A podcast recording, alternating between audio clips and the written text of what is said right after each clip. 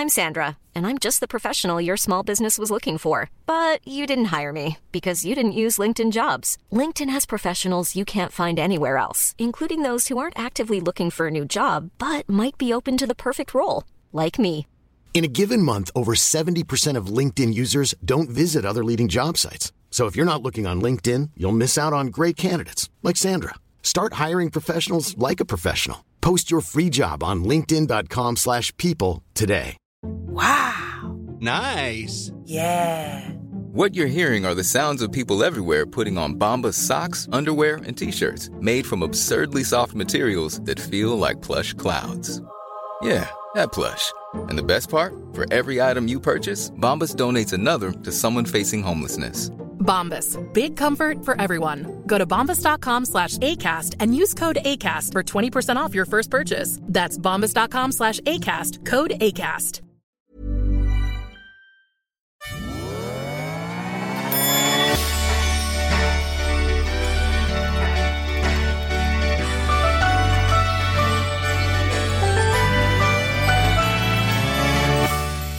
Jag hade för, eh, det var kanske tio år sedan någonting, Mm. en idé att skriva ihop med Peter Birro.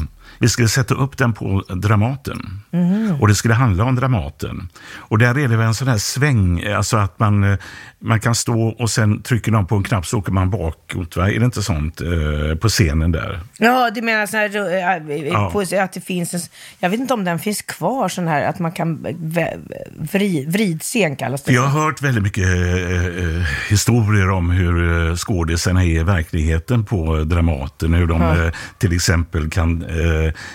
Det var någon som eh, var skådis som berättade för mig att, ehm, jag ska inte namnge den här personen, men eh, när man skulle ha kollationering eller när man liksom repeterade så visste alla vem ska han utse nu att hugga i och liksom tracka.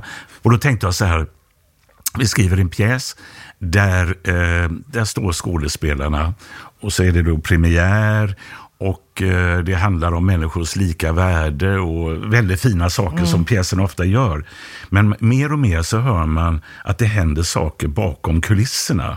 Och, och, och där, liksom, där hugger man varandra, eh, skådisarna hugger varandra i ryggen Mm. och står och skäller och slåss bakom. Så att, är det någon tekniker som blir så jävla förbannad på skådisarna så han trycker på knappen så att de, de åker eh, in och, och då ser publiken dem, men eh, skådisarna står ju med ryggen mot så de vet inte att publiken ser dem och sånt där. va? Förstår du?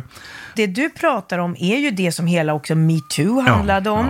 Att, det, att, att man faktiskt, det finns en normalisering av att det var så i alla fall att ja, men så här kan vissa bete sig, framförallt väldigt mycket män Mm. som är, jag är övertygad om, den, den du pratade om som nitade, liksom som säger att Ja. det var förstås en man, Ja. den här personen som du inte ville namnge och Ja. sådär. Så att det, och det, det, när den rörelsen kom 2017, det var också liksom, jag kommer ihåg när jag var hos Rickard varje dag, då pratade vi också om, jag var väldigt delaktig i, i den här tystnadtagning och så, Ja. när, när man helt plötsligt tar detta till ytan liksom. Men hur kunde det pågå länge? För ett tag, då hade, alltså någon gång på 90-talet, då hade jag eh, en idé om att göra en dokumentär om Dramaten. Mm. Bara för att då var det väl många som gick med fotbojor där.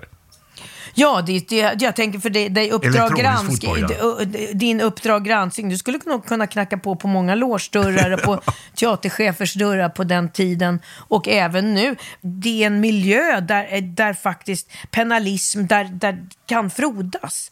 Ehm, Och ändå ska det handla hela tiden ja, om och det är fina det som grejer, att människor... Ja, och det blir ju en väldigt konstig... ehm, Ingmar Bergman till exempel.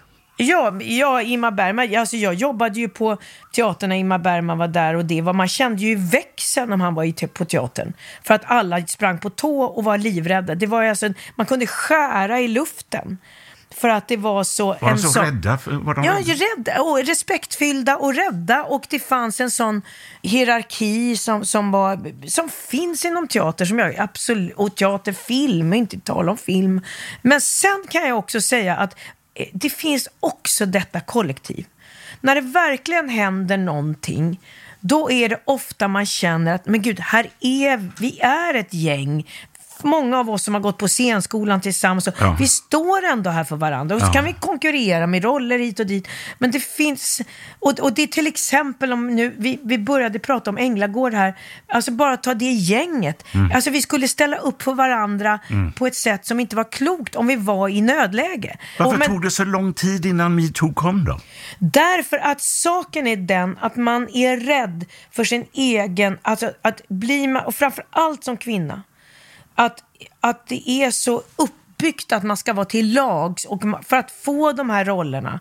Alltså när jag var ung på teatern, då sprang jag liksom och gömde mig på toaletten för att inte den där gubben skulle hoppa på mig när jag gick mellan liksom stora scenen till lilla scenen i korridoren där. Så gömde jag mig på toaletten där. Hoppa gick, på dig för att göra vad? Nej, och tafsa eller Ja, liksom ja, vad, vad, ja. Nej men att det fanns en, eh, och det var sådär, ja men jag gömmer mig här och så väntar jag, har han gått förbi? Ja, eh, eh, nej men det, det, nej han har inte gått förbi. Då springer jag och gud vad bra att resten av ensemblen är där. Eller ska jag gå och gömma mig på to- Alltså det fanns i ens, i ens strategi. Finns den kulturen kvar?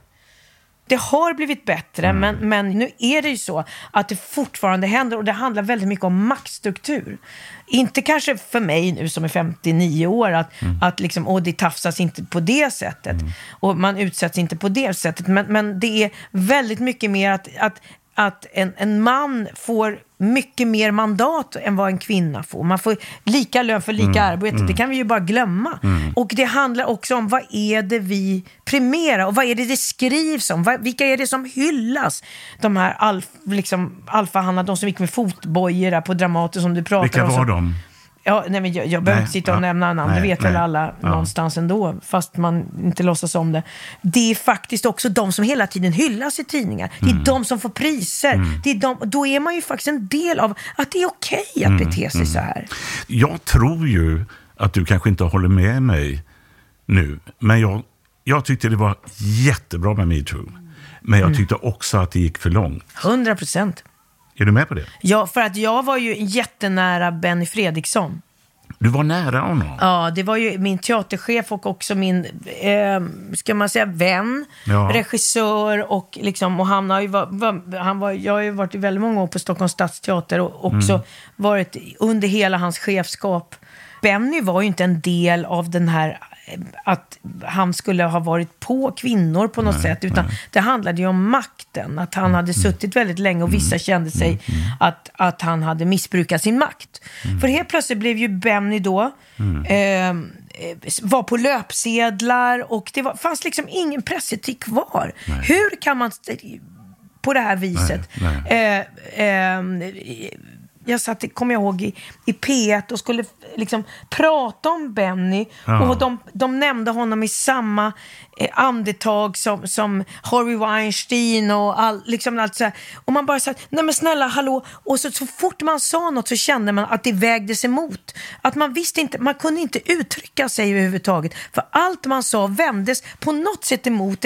Alltså vi var inne i en väldigt Var- konstig snurr alltså. Ja, och eh, vi hade ju eh, på SVT en eh, intern diskussion eh, om en eh, dokumentär som handlade bland annat om Benny Fredriksson. Mm.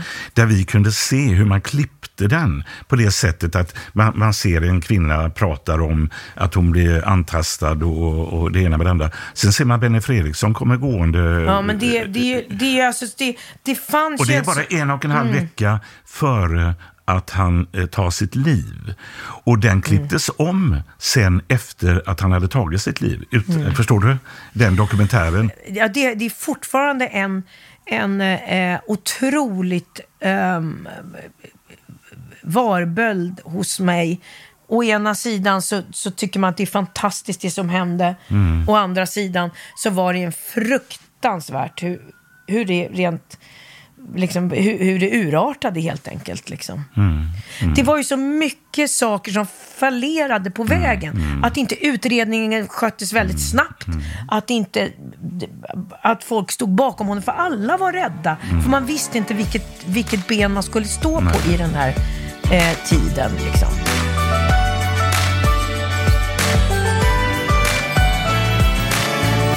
Thank you for listening to this Polpo original. You've been amazing.